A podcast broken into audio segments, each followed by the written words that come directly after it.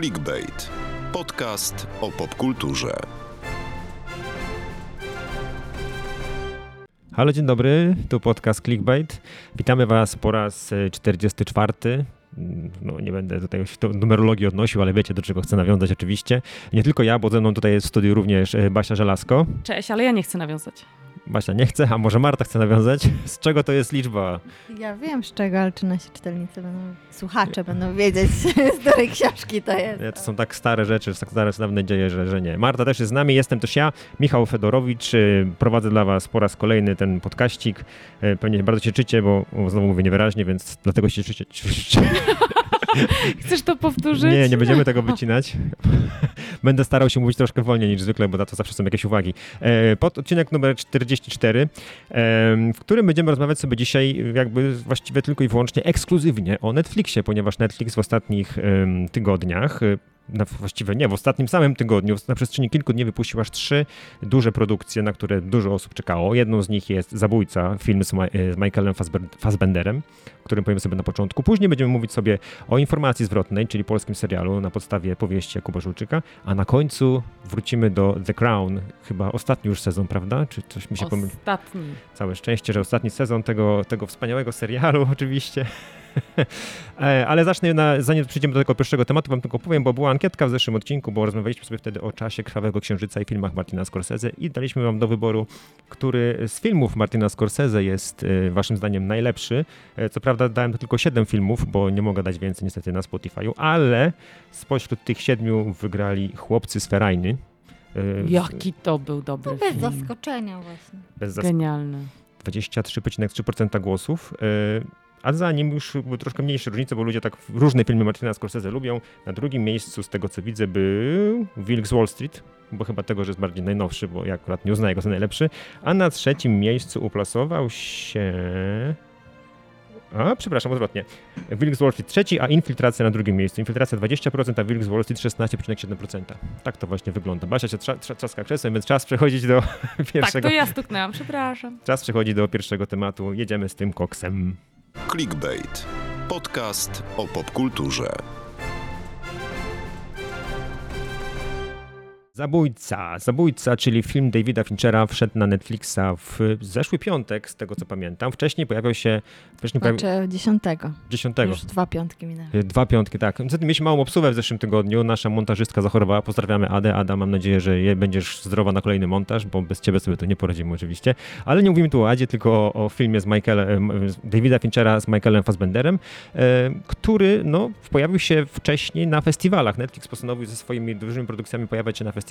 No i na festiwalach, e, na festiwalu w Wenecji był e, właśnie Zabójca. Zebrał tam bardzo mieszane recenzje, ale powiedzmy może dlaczego, bo chyba wszyscy razem z nami tutaj spodziewaliśmy się takiego filmu chyba raczej akcji, a dostaliśmy taki troszkę monolog głównego bohatera, który jest zabójcą, któremu ma wszystko wychodzić, a jednak nie wychodzi, bo chyba tak można najbardziej y, streścić ten film, prawda? Czy spodziewałaś się innego filmu, Marta, że to będzie bardziej żywsze takie, tak jak bardziej może... No patrząc na zwiastun spodziewałam się bardziej dynamicznej akcji, bo zwiastun jest tak zmontowany pod muzykę, żeby rzeczywiście nam pokazać to kino akcji, a w rzeczywistości mamy bardzo slow narrację o tym właśnie, jak nudna wygląda pracy, e, praca płatnego zabójcy. Tak, w ogóle sam film otwiera e, e, taki, cały film, cały film jest monologiem, ale otwiera inny monolog, krótszy nieco, w którym pada zdanie, że e, jeżeli nie potrafisz ścierpieć nudy, chyba coś takiego, to ta praca nie jest dla ciebie. I to tak jakby taki sygnał dla widza, że, ten film będzie nudny już na początku. jeżeli nie, nie kumasz, to to jest Ostrzeżenie. nudne- ostrzeżenie dla nas, tak, uważajcie, co będziecie oglądać. Michael Fassbender wciela się w zabójcę, który jest na misji, w Paryżu, z tego co pamiętam, chyba dobrze Tak. powiedziałem, w Paryżu. E, Przez pierwsze 30 minut oglądamy go, jak się gimnastykuje i walczy z tą nudą, żeby oddać strzał w kierunku swojego celu. No i coś tam się takiego wydarza, że niestety e, ta misja, którą ma, e, ma wykonać, e, nie udaje mu się. No i spotykają go w tym momencie e, różne e, konsekwencje. Ale zanim to, czy, czy Fassbender to jest taka, taki dobry strzał na takiego psychopatę, który, psychopatę, seryjnego zabójcę, czy, czy nie pasuje wam do tej roli? To znaczy, wydaje mi się, że, e, że ten wybór castingowy e, był jakby odrobinę oczywisty, ponieważ Fassbender dał się poznać jako aktor, który nie potrzebuje wielu środków wyrazu, żeby naprawdę dobrze wypaść e, na ekranie i żeby oddać i emocje, i, i to, co potrzebne jest w różnych scenach. I tutaj e, też jego, jego w ogóle wachlarz e, i reakcji, i emocji, mimiki jest bardzo taki wąski i dosyć ubogi. Oszczędny byśmy nazwali. Oszczędny, oszczędny w środkach, tak. E, także jakby wydaje mi się, że jak ktoś sobie projektował tą postać, a, a myślę, że, że nareszcie jest moment, żeby powiedzieć, że to jest ekranizacja komiksu, której, e, którego autorem jest Noland. I e, no więc jak ktoś sobie projektował już tę postać na ekranie, to myślał, że no on będzie taki tutaj poważny, on tutaj będzie taki cichy, nie będzie pokazywał emocji na twarzy. No i od razu mm, punktem B te, tych rozważań był, no tak, Fassbender. O, od razu nam się kojarzy z tym Fassbender. No, powiem szczerze, że ja go kojarzę takim y, jakby z nieco innymi rolami, bo Mhm. o to mi dokładnie chodziło, no bo, ale w sumie on ma dość też roz, rozróżnicowany repertuar, bo grał tam w, w, Bękartach Wojny, pojawił się w filmie Shame, który polski był chyba tytuł Wstyd. Wstyd. E, no tam oczywiście nie szalał tak jak niektórzy aktorzy metodyczni, ale, ale no ja e, jakby widząc, widząc ten casting tego Fassbendera, myślałem, że ten, jakby ten będzie taki film troszkę jak Collateral e, z, z Tomem Cruise'em. Jakby nie pasował mi roli, do roli zabójcy, tak jak Tom Cruise nie pasował mi do roli w filmie Zakładnik, ten z Jamie Foxxem i myślałem, że to będzie bardziej taki zakładnik, zwłaszcza ten zwiastun mnie tak zasugerował, że to będzie takie dynamiczne, będzie dużo akcji się działa. No to mamy właściwie jeden strzał, a potem A mi się to konsekwencje z tego. Po prostu, z Fassbenderem w Alienie.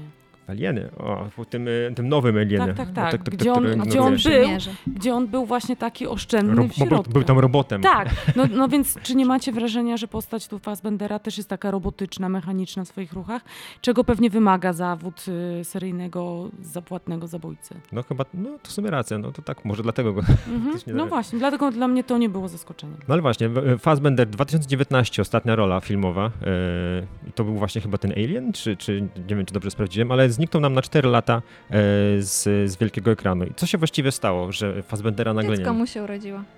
I tak na czteroletni urlop ojcowski poszedł od razu? No widocznie. Tak Najważniejsze złożyło. lata w życiu dziecka. Tak. Ja mam troszkę inne podejrzenie, ponieważ e, e, Fassbender zaczął od fajnych filmów, a potem zaczął grać w, no, w niezbyt udanych. No, powiem tylko o jednym, ten Assassin's Creed, ekranizacja gry komputerowej, która została po prostu zgnieciona. Projekty, Ale wydaje mi się, że od y, czasów jakby Prometeusza i całej tej serii X-Men to się zaczęła taka równia pochyła. To znaczy, ja nie, nie lubię y, Fassbendera w tych filmach Mhm. takich y, blockbusterowych. Uważam, że nie pasuje do tego rodzaju w ogóle kina. Czyli bardziej jak, tak jak w Shame miał bardzo fajną rolę w Tak. wstydzie. Tak, on To- raczej się nadaje do takich kameralnych historii. No ale, ale akurat jeśli chodzi o X-Menie, to ja bym tutaj obronił Fassbendera, bo tam akurat ta rola y, też był taki, tak jak ty mówisz Basia, taki androidowo-robotyczny, tam grał tego, tego Magneto, tak, który y, był taki poważny, miał coś tam w głowie, taki po cichutku troszkę, ale to jest taki typowy Fassbender tak naprawdę. E, no ale, no dobra, przejdź, przejdźmy dalej. Sam jakby, mówimy tutaj, że nas trochę zwiódł zwiastun, a ja mam też takie pytanie o napisy początkowe, które trwały chyba 30 Aż sekund. obejrzałam sobie je drugi raz, Bo- po twojej uwadze. Tak, bo są Mhm. takie... Też nie zwróciłam na to wcześniej uwagi, ale rzeczywiście to był jeden z nielicznych dynamicznych elementów w tym Tak. filmie. No i też e, cała czołówka, napisy początkowe są stworzone ze scen, których po, potem nie ma. To właśnie. A, więc, więc to jest takie nietypowe. A i jest bardzo, bardzo fajnie, bardzo e, artystycznie to zrobione, ciekawie. Mi się skojarzyło z, e, z czołówką do Gentlemanów Gaja Ricciego. Też, też coś, czemu ktoś poświęcił uwagę, chociaż wcale nie musiał. I tutaj właśnie tak jak i zwiastun, tak ten, e, te napisy wprowadzają nas w dynamiczną. Będzie dynamika, będzie dynamika i nagle... Będzie strzelanie! Będzie dużo, to. piw paw, tak. A tutaj uderza nas nuda. Fincher fajne ma te czołówki, e, bo on chyba na e, chyba zajmował się kręceniem teledysków, a później pamiętam taką dużą, dużą fajną czołówkę, którą zrobił, to było do Fight Clubu. To też jest taka, że tam po neuronach kamera podąża, przesuwa się i też tak dynamiczny montaż to w prowatach albo w dziewczynie z tatuażem. też taka dynamiczne, dynamiczne, fajne wejście. Tu nam sprowadza dynamiczne, ale no niestety nas tutaj wodzi za nos. Chociaż powiem szczerze, że dawno nie widziałem, to, to nawet krótsza, krótsza czołówka niż w serialach, które są, bo to tak ciach, ciach, ciach, ciach, takie cięcia, cięcia, cięcia i nagle przechodzimy od razu do fabuły. No i niestety ta fabuła e, trochę nam się e, e, rozlokła. No właśnie. Fassbender gra zabójcę, który jest bardzo metodyczny. Opowiada o tym, jak to, co trzeba zrobić, ma swoje 10 przykazań. E, trochę, no powiedzmy, tutaj widzę, dba się, zanudza widza, tak jak troszkę ja was tym opisem, e, ale ma swoje 10 przykazań, a jednocześnie wszystko, co mówi w tym filmie, e, jakby nie sprawdza się e, na, na, na żywo, tak? Czyli mówi e, planuj, nie improwizuj. Przez cały film praktycznie Fassbender zdaje się improwizować, prawda Marta? To jest takie... No ja trochę nie, nie odnoszę takiego wrażenia, to znaczy rzeczywiście ten początek, ta narracja ma nam pokazać, że to jest jakiś profesjonalista w swoim fachu, że on wie, co robi. Że dlaczego, dlatego to tak wygląda e, nudno i dla nas niezrozumiale, ale on nam cały czas wyjaśnia, cały czas jest narracja z offu, co tam się dzieje. I dopiero kiedy coś idzie nie tak, no to widać, że w takich sytuacjach jakby taki metodyczny plan nie do końca się sprawdza, zwłaszcza jeśli no, ktoś obiera drogę, powiedzmy, zemsty. No ale powiedz, że się nie zaśmiałaś, jak bo mówił, że wtapiam się w tłum idealnie i typ ubiera czapkę, rybaczkę, bierze hamburgera, ciemne okulary i siada naprzeciwko miejsca, które obserwuje i siedzi tam i, i cały czas się gapi. No, jakbym widział taką osobę, który siedzi przeciwko hotelu, wydaje, że jest niezauważona. W ciemnych okularach. W ciemnych okularach Ale y, on y, jakby wyjaśnia to tak, że jest akurat w Francji i ubrał się na niemieckiego turystę i uważa, że tam gardzą niemieckimi turystami, więc jakby dla mnie to swoją jest drogą, swoją drogą to jest zabawne, że według twórców filmu tak wygląda niemiecki turysta, bo tak. my w Polsce znamy innych niemieckich turystów, którzy w ogóle nie Dokładnie. wyglądają jak Fassbender. Nigdy. Ale jeżeli chodzi o element komiczny, to rzeczywiście ja, ja miałam, ja naprawdę miałam wrażenie, że to będzie komedia, już na pie w, w, pierwszych mhm. scenach, kiedy on, o mój Boże, kiedy on takim wielkim, długim monologiem opowiada o tym, o Jezu, jak tu trzeba być, jak tu trzeba być skupionym, jak tutaj trzeba y, potrafić w odpowiednim momencie nacisnąć spust, po czym naciska ten spust, najmniej odpowiednim momencie, wszystko spieprza dokumentnie, całą robotę i dla mnie to była po prostu y, komedia pomyłek, że znacie ten, Fedor nie był nigdy w kryzysie bycia kobietą, ale znacie ten moment, Jeszcze kiedy mężczyzna zdarzyło, opowiada o tym, o ale cię będę tutaj, a ci zrobię, cim ci rymcim i po czym absolutnie nic z tego nie wychodzi. Okay. I to jest właśnie y, killer Fassbendera, który opowiada, tutaj jestem super, tutaj go zabiję i tutaj jestem super skupiony, po czym y, no, po czym po prostu chybi I, i, możemy już ten spoiler jakby tutaj zdradzić, bo to nie jest e, najważniejsze w filmie. Więc ja sądziłam, że to jest komedia, że to ma być śmieszne. Ja się nie zaśmiałem ani razu na tym filmie, powiem szczerze, ale y, mam wrażenie, że być może taki był zamysł tak, y, y, reżysera, bo to nie tylko ta jedna scena, tak jak właśnie mówię, nie, nie planuj, nie improwizuj i on tak improwizuje, tak, nie rób tego, nie rób tamto i zapowiada coś, że teraz będzie dobrze i nagle okazuje się, że znowu jest źle, ale tu nie ma takiego momentu śmiesznego, takiej śmieszności, no nie wiem, bo no może... Bo myślę, że nie taki był cel, aczkolwiek jest, jest wiele scen, które gdzieś mają wymiar komiczny, tylko to od widza zależy, czy on to dostrzeże, zauważy, jakby doceni, bo na przykład w momencie, kiedy on tam później e, ściga pewnego złoczyńcę, daje strzał, to też le leci bardzo sugestywna muzyka, która też troszkę nabiera komicznego wymiaru w, w zestawieniu z tym, co się dzieje na ekranie. E, no ale to są takie smaczki i myślę, że jakby rozbierać ten film na takie czynniki pierwsze, jak e, tam działa montaż, jak działa dźwięk, jakie są ujęcia, no to wszystko jest super cacy, ale złożone w całość razem z tą fabułą, no jednak mnie nie satysfakcjonuje. Ta fabuła po prostu ma, ma, ma swoje słabe punkty.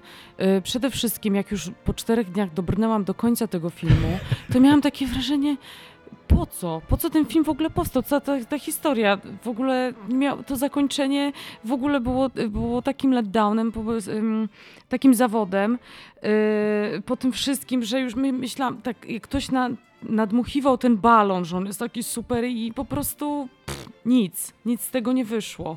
I jeszcze, yy, jeszcze tam był taki Y, ten motyw taki nieudany z tą jego partnerką życiową, dziewczyną, też możemy to zdradzić, bo to jakby dzieje się na początku tych czterech godzin, że... Powiedziałbym, że na początku, ale to jest jakaś pół godziny ten początek trwa, tak, ale początek. Że ze względu na tą jego spieprzoną robotę, yy, jacyś ludzie atakują jego dziewczynę. No więc wyobraźcie sobie, że to są ludzie z branży zabijania, z branży płatnych morderców i co? I ta dziewczyna uchodzi z życiem. Oni ją po prostu jakoś poturbowali mocno. Właśnie. No więc jest tutaj ten motyw zemsty. Więc i to, to jest takie instrumentalne y, potraktowanie kobiety, że ona jest tam w tej akcji tylko po to, żeby Fassbender miał motyw do zemsty. Ale uwaga, ona nie ginie, bo wtedy, y, bo wtedy ten bohater już miałby zupełnie y, jakby zepsutą przyszłość, że nic go, nic go nie czeka.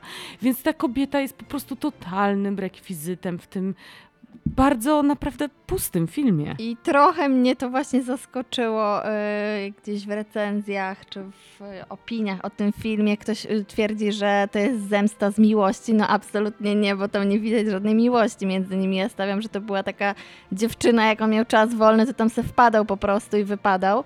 E, I raczej e, jego zemsta ma na celu udowodnienie, że on jest jednak lepszym zabójcą i on musi utrzymać swoją pozycję w branży, a nie żadne, tam nie ma żadnej emocjonalnej historii związanej z tą kobietą. Mam kolejną dziurę fabularną. Dawaj. Jest scena walki. Uwaga, spoiler. Walki e, wręcz między e, postacią Fassbendera a postacią, którą gra aktor o posturze Jasona Momoa.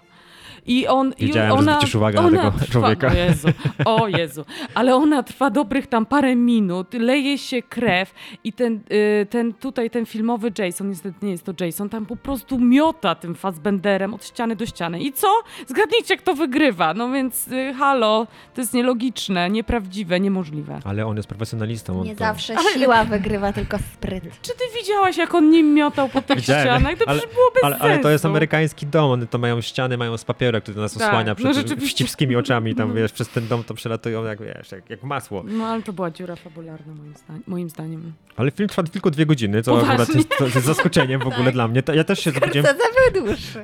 wydawał się dłuższy, bo ja, ja wie- wiecie, byli, byliśmy w kinie na e, czasie Krwawego Księżyca, który wydawał się kosmiczny, długi wręcz, e, ale nie, nie czułem na nim takiego zmęczenia, jakie odczuwałem oglądając te dwie godziny z Fassbenderem na ekranie, bo ten film jest pozbawiony jakiejś takiej akcji. Za mało jakby, albo, albo są te akcenty źle rozłożonych. O, No ale jest to moim zdaniem celowy zabieg, tak? Właśnie, żeby pokazać, że ta praca jest taka y, nudna i że, Że nie wiele warto. rzeczy tam się nie, nie warto, no. nie, nie spaja i to też jest y, też um, bycie tak w kontrze do tych wszystkich filmów akcji, które pokazują e, właśnie płatnych zabójców jako jakichś herosów, ludzi, którzy pach, pach, tutaj, wiesz, bez żadnego przygotowania mają po prostu jakiś niesamowity talent, dar, wystarczy, że wskoczą na e, dach i od razu załatwiają sprawę w 5 sekund. No, fajnie, że Fincher poszedł tą stroną, żeby pokazać to trochę z innej strony, ale no w całości ta historia no właśnie nie ma takiego satysfakcjonującego finału. Jakoś tak się rozmywa, Rozmywa, to w tak. trakcie ca, ca, całego... A co myślicie o muzyce w tym filmie? E, czyli to, co zrobił Atticus Ross, tak? I tam Nine Inch Nails, które są jak zawsze... Nie, skończone? nie, ja mówię o muzyce The Smiths, która, którą on non-stop słucha na słuchawkach. A, bo myślałem, że chodzi o najbardziej soundtrack cały. pretensjonalny, y, pretensjonalny punkt tego filmu, to, że on słucha The Smiths. Nie zauważyłem tego wcale, a Od dlaczego o tym mówisz? do końca. Okej. Dlatego, ale ty uważasz dlatego, że nie lubisz Smith, czy nie pasuje ci do tego filmu zupełnie? Tak. To chyba najlepsza odpowiedź na to. E, No dobra, Marta, ty mówisz, że był w tym zamysł, czyli jakby ten film niektórzy mogą uznać za udany, bo chyba jak patrząc na recenzję, to on takie wzbudza Tak, emocje skrajne. Albo go jadą, albo go chwalą. Jest, są, są te recenzje po jednej i po drugiej stronie. Wydaje mi się też dlatego, że no Fincher ma taką renomę, żeby powiedzieć, że coś mu nie wyszło, to jednak nawet wielu krytykom profesjonalnym nie, nie przechodzi to przez gardło. A, A- to słuchajcie A tego. ma, a, ma, a, ma, a ma kilka filmów nieudanych w swojej kolekcji, jak pewnie Basia tutaj widzę się już Aż się podwinęła rękawy, właśnie widzę. No to. Gdybyś miała, Basia, umieścić film e, Zabójca na, e, w rankingu najlepszych albo najgorszych filmów, Mhm. Najgorszych, no. najgorszych, to czy byłby na pierwszym miejscu Zabójca, czy coś Na innego? drugim. Na drugim miejscu Tak. jednak. Bo jest ten film, który jest gorszy od niego, to Zaginiona dziewczyna. Zaginiona dziewczyna Gone Girl. A powiedz dlaczego? Dlaczego akurat ten jest najgorszy? Zaginiona dziewczyna jest filmem niezwykle pustym, tanim, efekciarskim i kiczowatym. Ale działa, ja się wkręciłam. Jezus. Ale, ale był dynamiczniejszy od tego. Tak. Y, Miał taką fabułę, Ten która finał potrafiła w ogóle, cię... Tak, finał był... Ja sam Zwrotek. byłem mo- mocnym krytykiem y, Gone Girl, zresztą pisałem kiedyś go na, e, opisałem go na blogu swoim, jak, jeszcze go pisałem i dostałem bardzo mocno, mocny, negatywny feedback, tak a propos, informacja zwrotna była Może bardzo to Fincher negatywna. napisał. Może Fincher się poskarży na mnie, tak. Em, y, ale uważam, że jednak Zabójca jest słabszym filmem niż Gone Girl. Ja, ja na tym miałem, miałem momenty takie, że interesowała mnie ta historia, natomiast tu nie interesowała mnie historia w ogóle. Absolutnie nie było nawet momentów w Zabójcy, kiedy ja chciałbym po prostu Jezu, jak to się skończy, nie? Co tutaj się będzie jeszcze działo, nie? Jezu, kończysz, chłopie, nie? Jezu, ile, ile można pieprzyć tego monologu. Tak, to A najśmieszniejsze jest to, że w ogóle właśnie scenarzysta e, tego filmu dostał wyzwanie od Finchera, powiedział, no najlepiej jakby bohater przez cały film wypowiedział 10 linijek tekstu i ten scenarzysta był z taki z siebie dumny, bo napisał 13 linijek, no ale co z tego, jak non-stop Naprawdę mamy narrację z 13? offu. 13 linijek, ale nie wiesz, kiedy on z mówi na głos, tak, A, do bohaterów, okej, a na, no. cały czas mamy non-stop narrację z offu przecież. Czy tak naprawdę wypowiada ich tysiąc, tak? Ale powtarza w No. kółko te, te same właściwie Ja właśnie nie frazy. lubię e, takich filmów, kiedy ktoś uważa, że sam obraz i jakieś niedopowiedzenia nie wytłumaczą widzowi, co się dzieje, tylko cały czas musi być ten głos z offu. Wracając do filmów najlepszych i najgorszych, Marta, bo ty nie powiedziałaś na, na osi. No ja też uważam Zabójcę jednak za najgorszego, ponieważ e, poprzednie filmy Finchera no zawsze były bardzo wysoko u mnie w stawce. No i taki top, no to uważam właśnie Fight Club i e, 7, no i Social Network bardzo mi się podobał. I jestem ciekawa, czy powstanie kontynuacja w końcu. Ponieważ Fincher ostatnio powiedział, po, pojawiły się takie sugestie, że a, zakończenie Killera jest takie otwarte, to może jakaś kontynuacja. A Fincher ni- nigdy nie nakręcił swojej kontynuacji, ale powiedział, że nigdy nie mów nigdy. To ze wszystkich filmów, które zrobił Fincher, akurat ten chce kontynuować. Tak. Wydaje mi się, że Social Network tutaj już jest, tyle się wydarzyło od y, czasu premiery tego filmu, że tutaj można by Ale tam, ty, zebrać materiał. ale tam był nie tylko film właściwie Finchera, tylko Sorkina, który scenariusz napisał. Mhm. I, I to tak naprawdę, ja bardziej uważam Social Network za film właśnie tego scenarzysty niż samego Finchera, bo to, No on tak. się opierał głów, Akurat dużo. Sorkin jest y, jednym z nielicznych nazwisk w branży, które jak wiesz, że on stworzył scenariusz, no to jest na czym pracować. Przynajmniej dialogi są lepsze niż, niż, w Zabójcy. Bardziej dynamiczne. E, Powiedziałaś swoje trzy filmy, e, Fight Club i 7. Ja 7 uważam za najlepszy film Finchera. A Fight Club jest zaraz na drugim miejscu. A Basia? Wyznanie teraz będę miała. Benjamin Button. Y, nie, nie skończyłam 7, bo się bałam.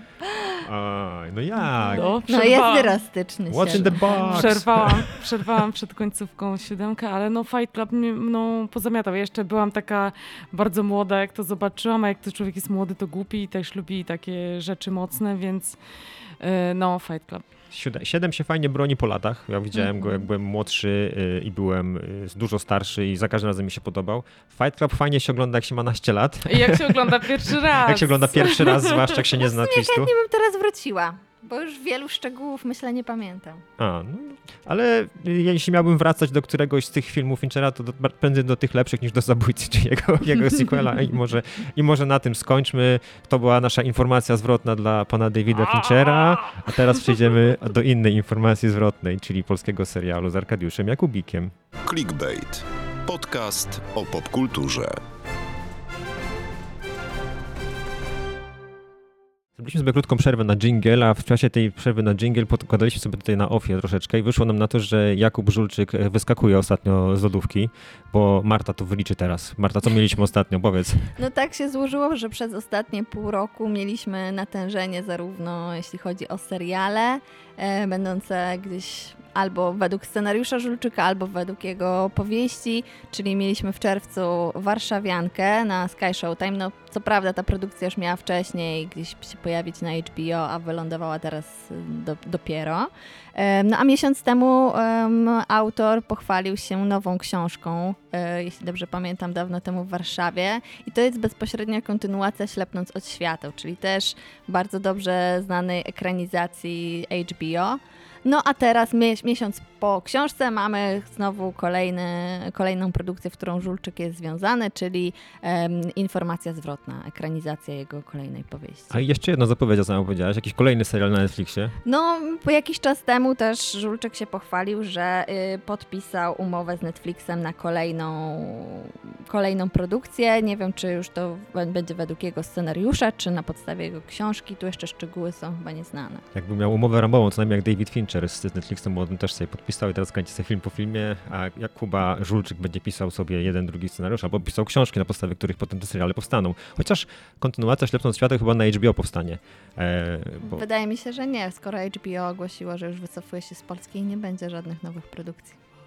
Będzie tylko kontynuacja Szadzi. E, nie, Szadzi, tylko Dwilży, przepraszam. Dwilży, ale to dlatego, że to jeszcze było zamówione przed tymi całymi, całymi zmianami, zanim ten nowy, nowy serial Dobrze.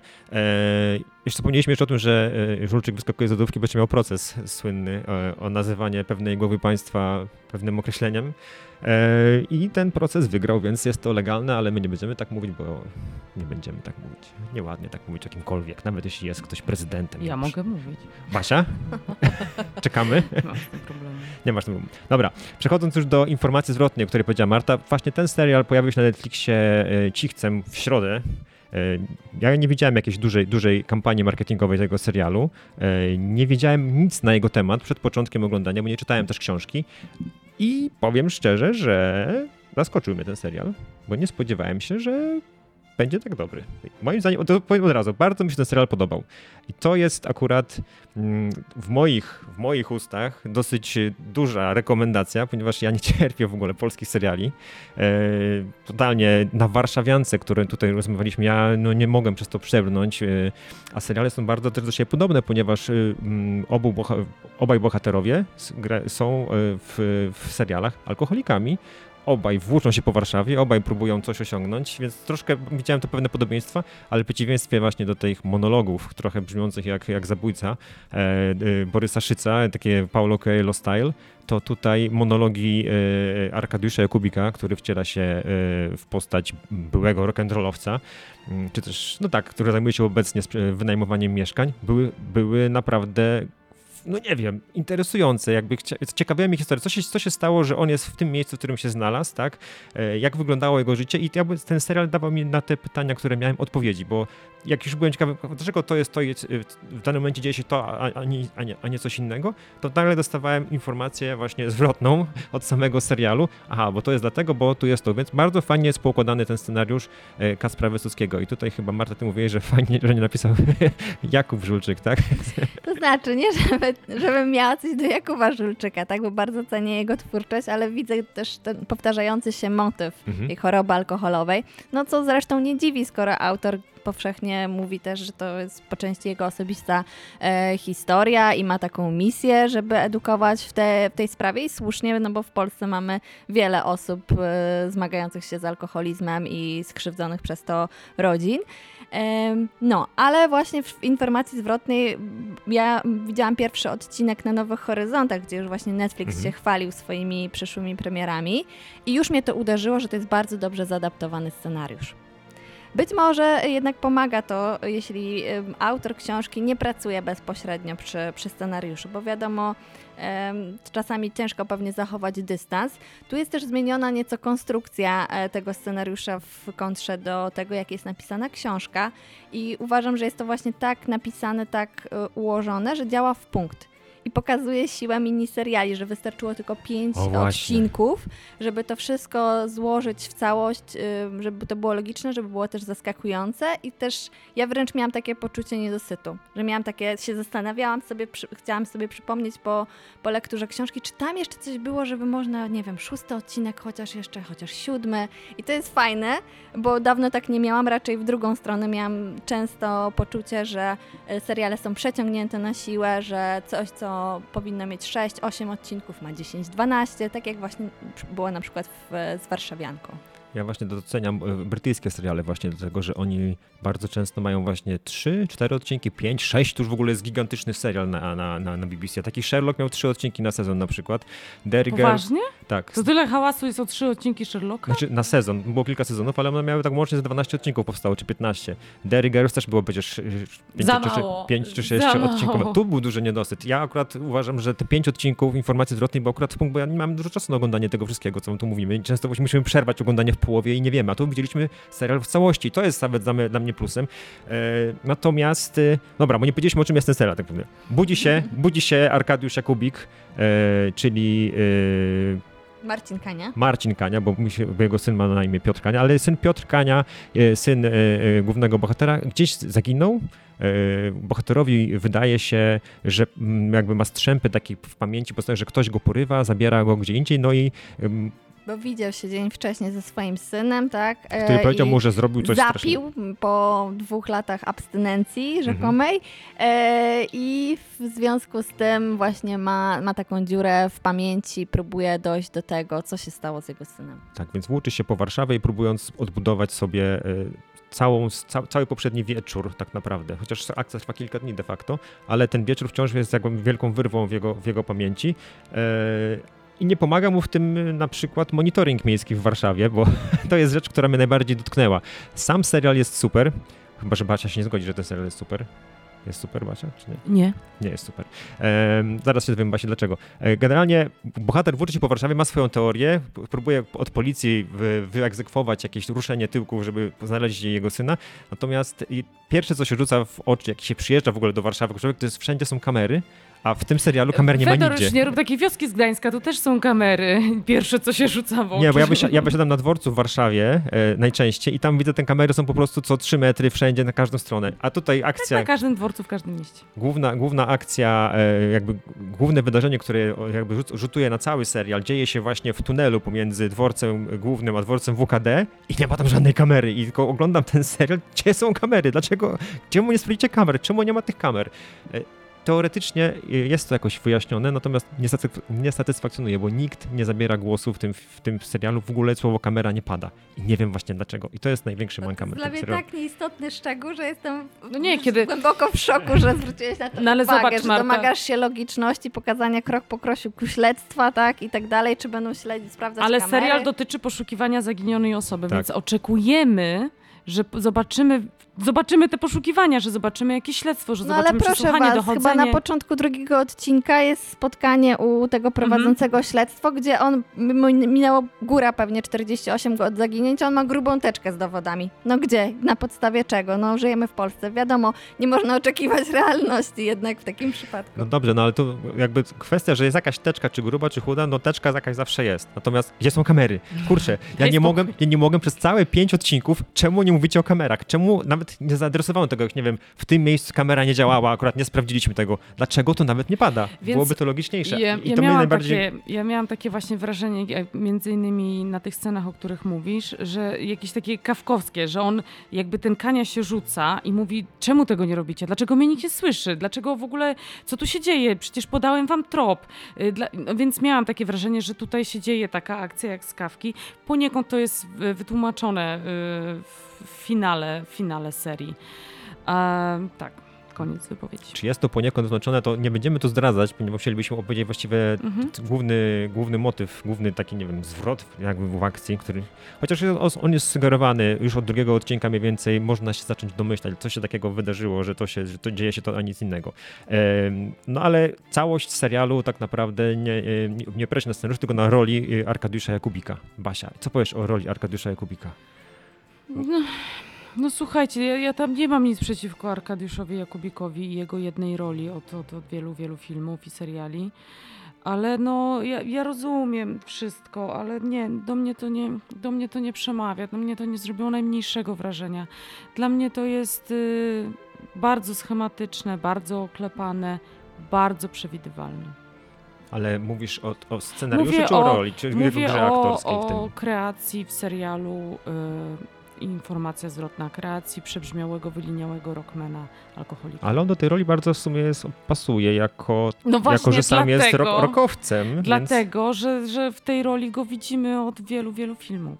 No ale właśnie y, i to jest dla mnie, jakby to jest dobry strzał obsadowy moim zdaniem. To jest łatwy strzał obsadowy. Łatwy, ale też dobry, bo można było, wiesz, łatwo można było obsadzić na przykład Borysa Szyca w podobnej roli i nie wiem, ja w Warszawianki dobrze obsadzonego Szyca nie potrafiłem znieść, a tutaj Jakubik swoim y, repertuarem, który być może ma też w jakiś sposób zaczerpnięty z życia swojego, potrafił mnie w tę, w tę postać zaangażować i wierzyłem, że on na tym planie, że jakby wierzyłem w jego ten alkoholizm, fajnie jest no, on to pokazany. jest kwestia po prostu dobrego aktorstwa i to, że mm, Basia tutaj zarzuca, że Arkadiusz Jakubik już wcześniej grał alkoholików, okej, ale to wciąż gra dobrze i moim zdaniem nie gra na tym samym schemacie.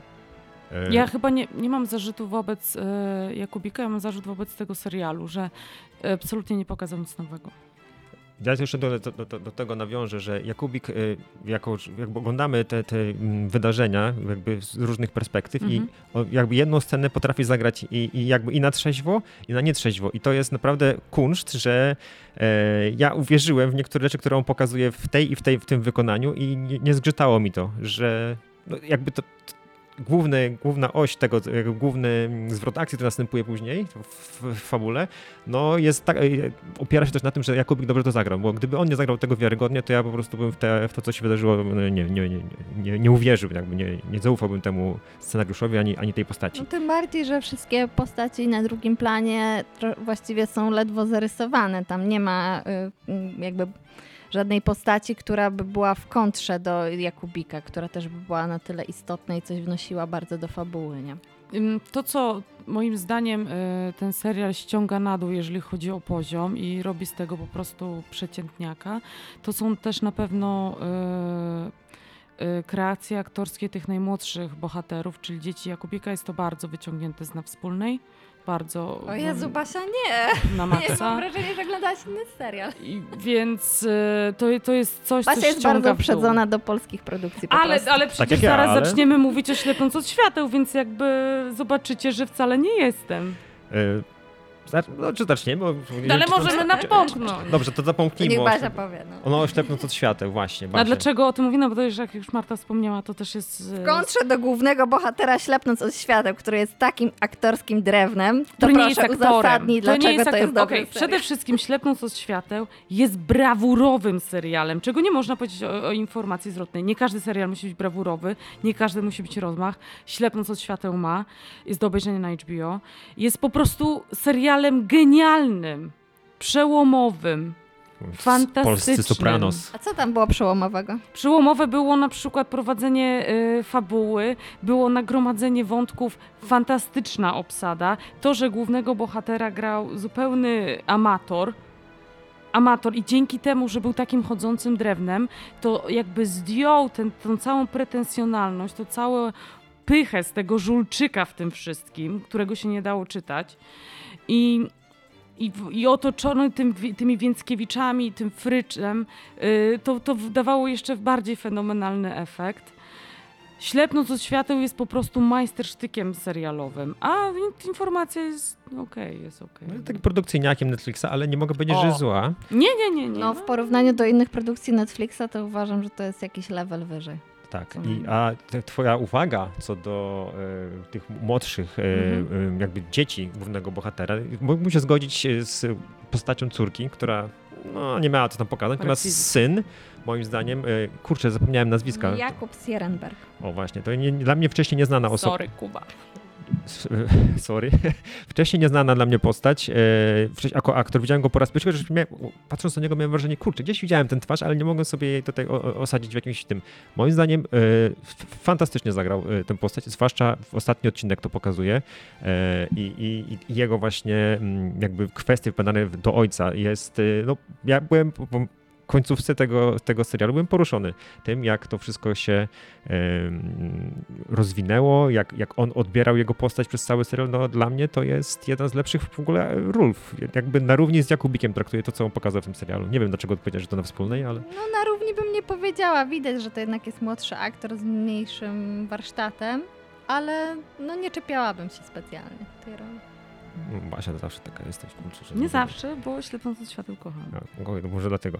E, dobra, coś jeszcze miałem. A w ogóle tytuł, skąd się wziął tytuł tego filmu? Bo to też jest dosyć ważne. Informacja zwrotna, czyli po angielsku feedback, bo y, i też taki tytuł ma tytuł, y, to ma serial y, wypuszczony za granicą. W ogóle tam nawet niezłe... Nie, książka. niezłe Książka, tytuł się wziął z książki. e, chodzi mi o słowo feedback. E, recenzje niezłe zbiera, e, całkiem niezłe, bo tam dają mu siódemki i ósemki nawet widziałem w niektórych serwisach. Raczej takie mniejsze się tym zajmują, bo na Rotten Tomatoes nie ma jeszcze oceny żadnej, ale na, na, na IMDb ma powyżej siódemki, na, nawet na Filmwebie, tu ma też powyżej siódemki w porównaniu No z Warszawianką, akurat gdzie ma tam ledwo, ledwo szóstkę. E, więc jest pozytywne. Natomiast e, wzięło się to od tego, że uczęszcza na spotkania anonimowych alkoholików e, główny bohater i tam właśnie w trakcie rozmowy otrzymuje informacje zwrotne, które jakby, gdyby jej słuchał, tych informacji zwrotnych, to pewnie by szybciej się połapał w tym, co się tak naprawdę dzieje, bo jakby nie wierzy a powinno się tak by spojrzeć na to, co się dzieje z perspektywy innej osoby, na tym też polega właśnie e, informacja e, e, zwrotna. Dobra, to już wiemy, że to jest lepsze, że lepszy jest Ślepnąc od świateł. Czy w ogóle polecamy ten serial do oglądania, czy tak? Y, tak, jeżeli ktoś lubi polskie seriale, to, to to jest dobry polski serial. I tylko tyle. Ale chciałam też y, tylko jedno zdanko, że chciałam powiedzieć, że nadal, moim zdaniem, naj, nadal najlepszą rzeczą o alkoholizmie w Polsce jest Wszyscy jesteśmy Chrystusami. Jeżeli ktoś jest tak zainteresowany obrazem alkoholizmu i alkoholizmu w rodzinie, to Wszyscy jesteśmy Chrystusami jest nie do pobicia, Jest tylko jeden odcinek tego. bo to jest film. Dobra, Albo żółty szalik z Januszem Gajas. No tak, ale Tam żółty nie szalik nie, jest, nie, nie pokazuje tej pełni upodlenia, nie? realizacyjnie bardzo dobrze, aktorsko bardzo dobrze. Są elementy, które mogą być lepsze, ale generalnie informację zwrotną polecamy. Być może znajdzie się nawet u nas w naszym, w naszym plebiscycie top seriale. Na pewno o- się znajdzie. O którym Na będzie, pewno, bo jak na razie, a mamy końcówkę listopada, wydaje mi się, że to jest najlepszy polski serial w tym roku. Uuu, a co z, z absolutnymi debiutantami? Dla mnie to nie jest absolutnie top. A, to Dla nie mnie jest to jest przeciętnie. O tym nie rozmawialiśmy jeszcze, ja nie mogę się wypowiedzieć na temat absolutnych debiutantów. Ma bardzo dobre recenzje, ma świetne ale recenzje. Mhm. Jest, jest takim filmem, jakby babcia, Basia powiedziała, nieprzełomowym, nic nie wnoszącym. O, widzicie. Dlatego mamy podcasty, gdzie możemy sobie pogadać, podyskutować, a teraz podyskutujemy sobie o czym innym, bo już mamy dosyć tej informacji zwrotnej. Clickbait. Podcast o popkulturze. I z alkoholizmu w Warszawie przechodzimy do The Crown, który mimo sześciu sezonów nie doczekał się jeszcze polskiego tytułu, więc nie wiem jak się nazywa po polsku. Ale pewnie wy wiecie. Moja mama mówi królowa. A, to już mówiłaś okazji No, piątego tak, sezonu. moja mama podobnie. Królowa. Królowa był taki, był taki film y, fabularny. y, Był też serial Netflixa. Był też? Ale nie, bo... Sewerynem. Ale, ale królowa, no jakby to Seweryn nie grał Elżbiety, a mógłby.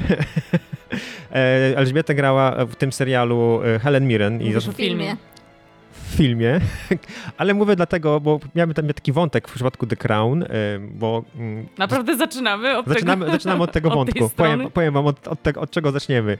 E, Dostaliśmy cztery odcinki The Crown i te cztery odcinki dotyczą tak naprawdę e, związku Dody, miałem powiedzieć, Diany z Dodim Alpha 1 e, oraz tego, co się z nią wydarzyło. To będzie mały spoiler sprzed 26 już lat. Diana ginie w tym serialu. Dodi także. I, I naprawdę, naprawdę też zginęła. No niestety tak się stało.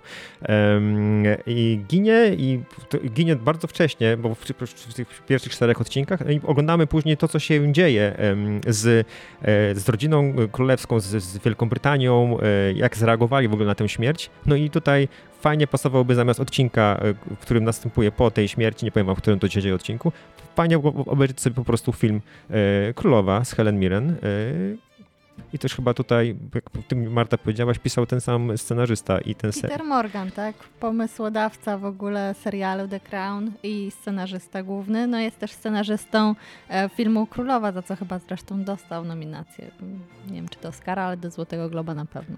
Więc jakby ktoś chciał sobie jakby zestawić ten sam film dwa razy, jeden będzie tylko w serialu, a drugi osobno, albo nawet zamiast tego jednego odcinka, y, który wydaje nam, zaraz powiem dlaczego jest lepszy chyba jednak film niż ten odcinek, to, to, to polecamy. Dobra, ale przechodząc do, y, y, jakby ja, ja się na tym serialu nie znam, bo powiem szczerze, ja wam powiem, oddam wam głos bardziej, bo dla mnie Crown jest serialem, którego ja nie, jakby można lecieć sobie, ja obieram ziemniaki gdzieś tam w tle leci, bo nie wciąga mnie ta historia absolutnie w ogóle.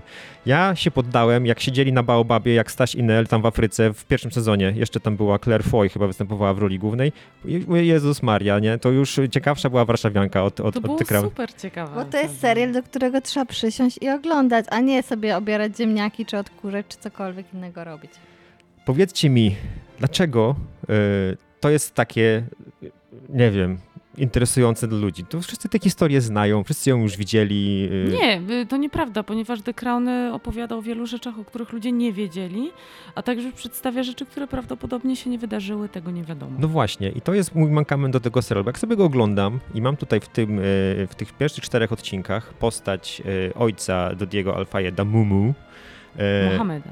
no, ale zwanego przez Dianę Mumu, to jakby ja nie znam nie, nie znam tej wersji historii, ale wydaje mi się, że troszkę za bardzo z niego zrobiono czarny charakter, który manipulował tym wszystkim. Jak, nie wiem. No to jest, y, to jest licencja poetyka tak zwana, czyli no twórca ma jakiś pomysł na fabułę i, i ją realizuje. I to, co Peter Morgan mówi od samego początku, to nie jest serial dokumentalny, to nie jest serial historyczny. To jest serial, y, którego inspiracją jest rodzina, brytyjska rodzina królewska. Kropka. Tak, tyle, że właśnie w przypadku szóstego sezonu pojawia się więcej kontrowersji, więcej głosów krytyki co do właśnie wyborów scenarzystów, twórców, dlatego, że no mówimy jednak o czasach, które większość widzów pamięta, a jak się opowiadało jeszcze w pierwszych sezonach o tym, co się działo w latach 50., 60. i tak dalej, no to ta dowolność twórców już była, myślę, lepiej przyjmowana niż teraz. Tak, to to było tak, jakbyśmy oglądali opowieść o cesarz- cesarzowej Sisi. No fajnie, tutaj chodziła sobie księżniczka z lewa na prawo, nic o tym nie wiedzieliśmy,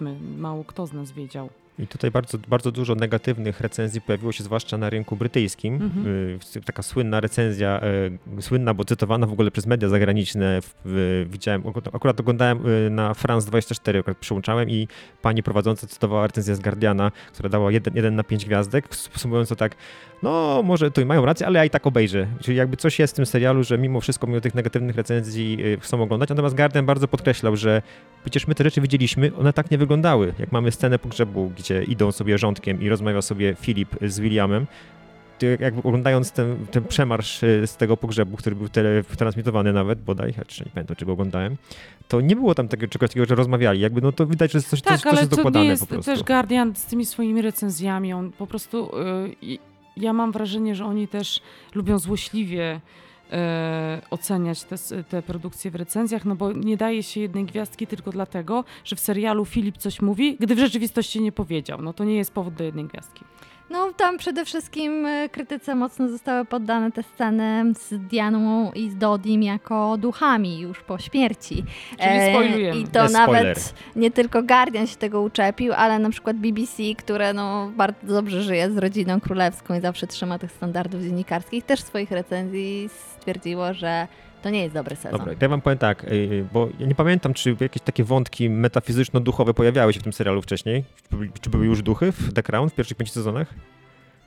Nie. Nie pamiętam. Nie było, Zastanawiam więc... się, kto tam Taki jeszcze motyw. zdąży umrzeć, ale nie, nie pojawiłby się. Więc tutaj w moment, kiedy Diana z zagrobu wraca i Dodi wraca z zagrobu i pojawiają się normalnie w dialogach z postaciami, które, które one pojawiły się też w serialu, no dla mnie to było takie, aż się, uff, co tu się dzieje w ogóle, To odrzuciło znaczy, mnie to. te, też może e, powiedzmy naszym słuchaczom, którzy, którzy tego nie widzieli, że to nie chodzi o to, że tutaj w takiej białej szacie sunie ponad ziemią Diana i, i straszy Karola, że to jest Ale to bardziej... byłoby fajniejsze. Że to jest taka personifikacja jakiejś wizji, przemyśleń e, Karola, Diany oraz Mohameda Fayeda. E, taki, takiej wewnętrznej rozmowy, którą widz widzi dzięki temu, że, że widzi dwóch bohaterów. Żaden z nich nie, nie jest tutaj rozkładającym się trupem. No. No ale powiedzmy sobie szczerze, no to co Diana do nich mówi, zwłaszcza do jakby spotyka Tak. Karola, jest Tak. żenujące Tak, wręcz. możemy do Tak. tego teraz przejść. Dobrze, Tak. no to powiedz Basia, nawet ty uważasz, że jest żenujące, prawda? Oczywiście, no, znaczy żenujące, no po prostu y, Takie słowa nie mogłyby paść z ust Diany po prostu, pod adresem Karola. to wygląda tak, jakby sam Karol siadł i napisał te kwestie, które ma powiedzieć Diana. Moment, którym ta Diana z zagrobu mówi mu, że tak jak on wyglądał przystojny nad jej tym Przystojny. łóżkiem w prosektorium, to ona tak go będzie pamiętać. Po co to było? Po co, po co w tej całej historii stwierdzenie, że Karol był przystojny, kiedy wszyscy wiemy, że nie było takiego momentu w historii, I że ona był mu dziękuje, że, Że był ona mu wtedy taki dziękuje, załamany, jak że ona mu wybacza. To jest... Mm, cała, cały ten zabieg e, rozmów bliskich, z, bo Dodi także wraca, z Dodim i z Dianą, jest tak jakby po to, żeby, e, żeby coś e, zamknąć, żeby przebaczyć, żeby wygładzić. Żeby takim lukrem wręcz polać Tak. to wszystko, bo... Dlaczego to robimy? No, no tu są takie, ja trudno nie myśleć o tym, że dlatego, że Karol pięć minut temu stał się Karolem Mhm. trzecim. Mówię tu o rzeczywistości. Dlatego, że od czasu śmierci Elżbiety II y, w Wielkiej Brytanii rosną takie nastroje, że, że monarchia jest jednak super, że to jest ważna ta rodzina królewska, że to jest ważna tradycja, że wcale nie chcemy ich obalić. Więc tutaj Peter Morgan i cała ekipa The Crown nie chce jakby z nimi iść na wojnę i pokazywać, że wcale tak nie było, że zobaczcie, jak ludzie nienawidzili Elżbiety, kiedy, Elżbieta e, kiedy Diana zmarła. Jak, jak ludzie jechali z Karolem, kiedy Diana zmarła. Nie, Diana wraca i wybacza Karolowi. Karol był super. A w ogóle Karol w tej e, szóstej odsłonie jest przedstawiony jako najbardziej empatyczna, najbardziej emocjonalna osoba w rodzinie, co doskonale wiemy, że no jest niezgodny z prawdą. I na przykład w książce Harego, e, jak Mhm. pisał, jak ojciec przekazał mu wieść o śmierci matki, no to wszedł do pokoju, obudził go i wręcz e, jakimś żołnierskim zdaniem to powiedział, nawet go nie przytulił, więc czynienie teraz w kontrze do tego, że wiemy o tych informacjach, one cały czas żyją, powracają w mediach od tych ponad 20 lat, no to przedstawianie zupełnie innej narracji, no jest, kuje w oczy po prostu. No, czyli kto wypada, bo mam takie pytanie zanotowane tutaj. Kto Mhm. wypada w tym serialu na gorszą osobę? Królowa, Karol czy Diana? Diana. Kar Karol się Diana upieprza. oczywiście. Diana wypada na najgorzej, nie? No, wobec y, królowej i wobec Filipa też wydaje mi się, że pozwolono sobie na takie przedstawienie ich jako tych ludzi z starej epoki, którzy się trzymali tradycji i tak no, nie chcieli właśnie uhonorować Diany i to też wydaje mi się, gdyby królowa dalej żyła, to nie pozwoliliby sobie na takie przedstawienie tego. No i na Dianie, no i najbardziej się też moim zdaniem obrywa e, Mohamedowi No tak, Al-Fayedowi, on tak który też zmarł e, dopiero co w sierpniu, więc też można sobie było teraz Ale już nie pozwolić będzie królem. więcej. Nie będzie też sułtanem. Netflix y, pokazał niektóre rzeczy zupełnie inaczej niż prawdopodobnie się wydarzyły, tak? W dniach żałoby, w dnia, po śmierci żałoby wydarzyło się wiele rzeczy z pewnością wartych zagranizowania, Tak. Ale Y, produkcja zaskakuje jakby tym, tym, co tak naprawdę Tak. nam wskazuje, bo nie tego chyba się spodziewaliśmy oglądając Nie, tę, ja byłam przekonana i to i, i jako taki mm, bardzo wierny widz The Crown, byłam przekonana, że zobaczymy okoliczności y, tej decyzji, gdzie y, Harry i William mieli iść y, za, za, trumną, za trumną swojej matki publicznie. Dzisiaj wiemy z ich relacji, że to było niezwykle traumatyczne dla nich, że to w ogóle nie powinno do tego dojść. To, y, więc no wyobraźcie sobie, jaki to jest fantastyczna, fabularna okazja Mhm. dla scenarzystów, żeby o tym żeby- rozwinąć jakoś. żeby o, o tym powiedzieć, żeby opowiedzieć, jaki sposób, kto był za, kto był przeciw, jak do tego doszło.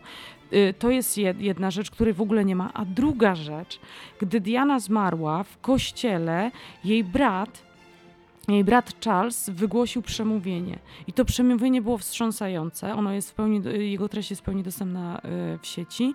On tam poniekąd oskarża rodzinę królewską. On mówi, że Diana nie potrzebowała żadnych tytułów. Ona i tak była y, super e, królową ludzkich serc i to, była, e, to był przytyk do tego, że odebrano jej te tytuły, chciano jej odebrać tytuły po rozwodzie. I ona była, nie, ta mowa była niezwykle oskarżycielska i ona też tak jakby super rezonowała z, e, z nastrojami wtedy. Gdzie się podział brat Diany w The Crown? Chodzi, idzie tam smętny za tą trumną i to wszystko. To też był świetny motyw. Wycięto. Tak, jakby w ogóle właśnie y, bardzo to spłaszczone, bo gdzieś się pojawia ym, w dialogach królowa mówi, że no niech będzie prywatny pogrzeb, tak jak sobie życzy rodzina Spencerów, a potem w ogóle nie wracają do tego tematu. Karol mówi, że trzeba zrobić tak, jak lud chce i nara robimy. Chociaż mówił to Blair, premier, a nie Karol. Czyli tak jak mówię, w tym fajniej chyba tę całą sytuację po śmierci pokazuje sam film y, Królowa, bo ja, ja, jakby... ja w ogóle oglądałem film Królowa, dlatego że to będzie film o śmierci Diany, a właściwie było zupełnie czym innym. O tym, co się po śmierci Diany dzieje. I to jakby było ciekawe, jak właśnie Królowa y, miała tę swoją rozterkę, jak to do tego podejść, do tego pogrzebu. Y, Polecam zamiast odcinka czwartego osobiście, który ja obejrzałem odcinek czwarty na podglądzie, bo już nie mogłem z tymi duchami, obejrzeć sobie właśnie ten... Niestety nie jest nigdzie dostępny. Sprawdziłam. Ale na DVD, czy jakiś tam VHS, czy tam No jakieś... pewnie jak na DVD, jak ktoś ma, to tak.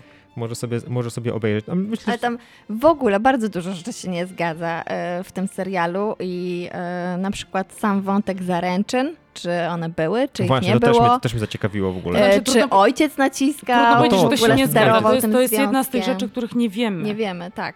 Ponieważ e, przy ciele znaleziono Dodiego pierścionek. I to było potwierdzone, on rzeczywiście w Paryżu kupił pierścionek. Tak, nie ten wiemy, czy właśnie model. zamierzał, nie wiemy, czy to zrobił. Oczywiście tym bardziej nie wiemy, jaka była odpowiedź Diany. Tym bardziej nie ma też dowodów, bo na przykład z tej serii, z tych czterech odcinków, które wyszły, no, mi się najprzyjemniej oglądało odcinek drugi, który jest tak przedstawiony z historii, e, z perspektywy dwóch fotografów. Papa- paparazzi. paparazzi Mhm. i tego takiego e, kanapowego fotografa, powiedzmy, Królowej. rodziny królewskiej. E, no i nie ma dowodów na to, że e, Mohamed Al-Fayed wysyłał paparazzi e, na Dianę i na swojego syna, bo jemu zależało tak, żeby Ale ten związek jest- upublicznić. No Tak samo nie, ma, nie, nie miało miejsca takiej sytuacji jak to, że kiedy Diana pojechała do Bośni na pole minowe i to jest jej jakby wielkie osiągnięcie, bo była główną ambasadorką Tak. tego, żeby odminować tereny powojenne i nawet Mohamed Al-Fayed miał teorię spiskową, że zlecono zabójstwo Diany właśnie za to. No to nie było takiej sytuacji, żeby na konferencji prasowej wszyscy ją wypytywali o jej romans z Dodim. Jesteśmy Tak, dziennikarzami było tak i wiemy, że to jest po prostu tak. Nie, ja, ja jako dziennikarka nie mogę oglądać takich scen, bo wiem, że jakbym tylko jedną sylabę takiego pytania wymówiła, to bym została odstrzelona.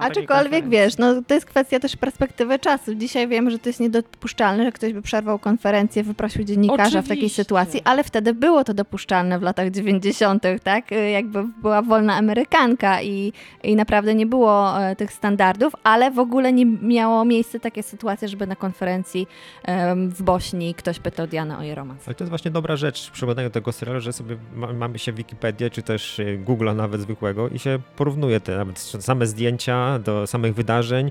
Y, To jest ciekawe, ja sprawdzałem właśnie, czy coś takiego miało miejsce jak ta konferencja i nie znalazłem informacji, że zaatakowali ją w tej Bośni, w ogóle to, że tam byli dziennikarze To też Wielkiej takie Brytanii, uwłaczające moim zdaniem ze strony twórców e, serialu, żeby tak spłaszczyć ten temat działalności Diany. Tak, tak, tak, ale, ale pokazane jest y, same zdjęcia, jak ona jest w Bośni, nawet w tej takiej Jeden masce, w tej jednego. kamizelce, tak, w ogóle fenomenalnie moim zdaniem Elizabeth Dębicka jest obsadzona, y, tak, jakby zmarnowana jest i moim zdaniem jej potencjał, jakby fajnie, jakby super, super, super odgrywa tę Dianę, natomiast całość dookoła jej roli nie, nie podoba mi się, ale jak ona odgrywa, jak ona się Ona porusza, jak ona mówi, ma tą e, głowę, op, głowę opuszczoną, ma tak jak charakter jak Diana, tak spod, spod łba mówi, e, to takie manieryzmy różne. E, no, A wiemy na przykład w filmie. Spencer, jak Kristen Stewart grała Dianę i jak było to nieznośne do patrzenia. Najgorsza Diana w historii. Tak. Jedząca korale. Mnie na przykład zaskoczył i nie rozumiem wątku Williama po śmierci Diany, bo też nie ma dowodów na to, że on się tak zachował, że No nie musi uciekł. być dowodu. Po co to w ogóle było i, i ta scena też rozmowy jego z Filipem, moim zdaniem to było zbędne. Nic Może nie to jest-. Może to jest do pre- preludium do drugiej części. Druga część ma zaczynać się e, w momencie, w którym on jest e, na studiach i Mhm. pewnie No, właśnie. może pokażą, jakim cieniem na jego, na jego życiu y, rzucił się ten, ten dzień. A ja, a ja powiem, powiem tak, że obejrzałem te cztery odcinki i do kolejnych nie chcę oglądać, bo dla mnie się historia rodziny królewskiej Musimy cię. kończy się, kończy się na śmierci Diany i nawet nie wiem, co tutaj może być. Czy oni będą pokazywać tam jeszcze Kate i, i Williama? Tak. Tak, to to się będzie rozwijać, bo myślałem, że to jest tylko dekada, a to widzę, że dwie dekady jednak się rozciągnie. Bo zawsze Nie, każdy to się odcinek to było... rozciąga podobno do, do dnia ślubu Karola z Kamilą 2005. O mój Boże, to tak, to generalnie każdy, jakby sezony były takie wolne, mocno wyciągane dekada po dekadzie i teraz nagle robimy No trzy, właśnie, trzy dekady. To jest, No, to jest 97 słabością jest piątego akcja, i tak? szóstego sezonu The Crown, że, e, że naprawdę leci po łebkach, naprawdę. Ale to też chyba przecież sezony chyba też tak leciały trochę. W życiu, nie. Pierwszy był, Jezu, pierwszy był cudowny. Dobra. Drugi był cudowny. Wydaje się, wydaje się, że jestem osobą tutaj nie, nie, nie, nieodpowiednią do zadawania pytań na temat tej. Nie żyjesz po prostu też tak rodziną królewską Mhm. jak my na co dzień. No właśnie, a czemu ta rodzina królewska jest taka... Ojej. Dlaczego? To jest pytanie graniczne. Rozprawy doktorskie o tym No właśnie, czemu Basia akurat ta tytuł rodzina? Dlatego, że nad Imperium nie zachodziło słońce nigdy i cały świat ich kojarzy? Czy, czy o co chodzi? Tak, no, no, oni mają status celebrytów, oni są niezwykle popularni, też tą popularność bardzo dobrze jakoś tak podlewają, podlewają to zainteresowanie sobą. Wiedzą, że i sympat, sympatia publiki i zainteresowanie mediów em, da im poparcie, no a poparcie jest potrzebne komuś, kto nie pracuje, a ma ogromne wydatki. Więc e, oni są bardzo fascynujący. No i ta historia jest super ciekawa. I mówią po angielsku. Nie mówią po angielsku. I możemy Dlatego- ich zrozumieć. Dlatego, dlatego też y, to Diana była, jest główną ofiarą, to Diana jest opłakiwana, tak jakby y, ludzie stracili kompletnie świadomość czy pamięć o tym, że w wypadku zginęły trzy osoby. I to nawet akurat była to ciekawa scena, e, akurat w tej, jak się spotyka Dodi ze swoim ojcem po czasie, w duch Dodiego. I ojciec mu mówi, no ale o tobie nie ma tu nawet wzmianki, nie? To było, to było No. moim zdaniem bardzo, bardzo smutne. Tak. Jak, że, że ojciec opłakuje kogoś i, i widzi, że świat nie płacze za jego synem, to było no, takie I poruszające. że właśnie, nie wiem, czy to właśnie była prawda, czy też fantazja znowu twórców, że rodzina królewska nawet nie skontaktowała się, nie złożyła kondolencji e, Al-Fayedom. Wiem, że, e, wiem, że Mohamed Fayed był obecny e, na pogrzebie Diany. Dzień wcześniej po, pochowano Dodiego. Dodi też jest pochowany w Wielkiej Brytanii. Czy płakałaś po Dianie, Basia? E, Tak, ja byłam wtedy malutkim dzieckiem, więc płakałam non-stop. Właśnie, a jak, jak, jaka była sytuacja, gdy zastały ci informacje o tym, co coś robiłaś, że tak nagle E, Ja pamiętam tylko, że, że usłyszałam, usłyszałam to e, w radiu. Wcześniej widziałam w gazecie zdjęcia, naprawdę pamiętam to, że z- w, Teletygodniu, teletydzień, e, teletydzień miał taką rubrykę, nie wiem czy ma dzisiaj, a co tam panie u dworu słychać? I zawsze jest jedna mała rubryka, była o Royalsach, którą czytałam i tam były zdjęcia Diany w niebieskim kostiumie siedzącej na jachcie że ma romans. Teletydzień wychodzi w czwartki i e, ona zginęła w weekend. Weekend to był 31 sierpnia? Tak. tak W pamiętam. 97 i usłyszałam to w radiu. Marta, co ty robiłaś wtedy?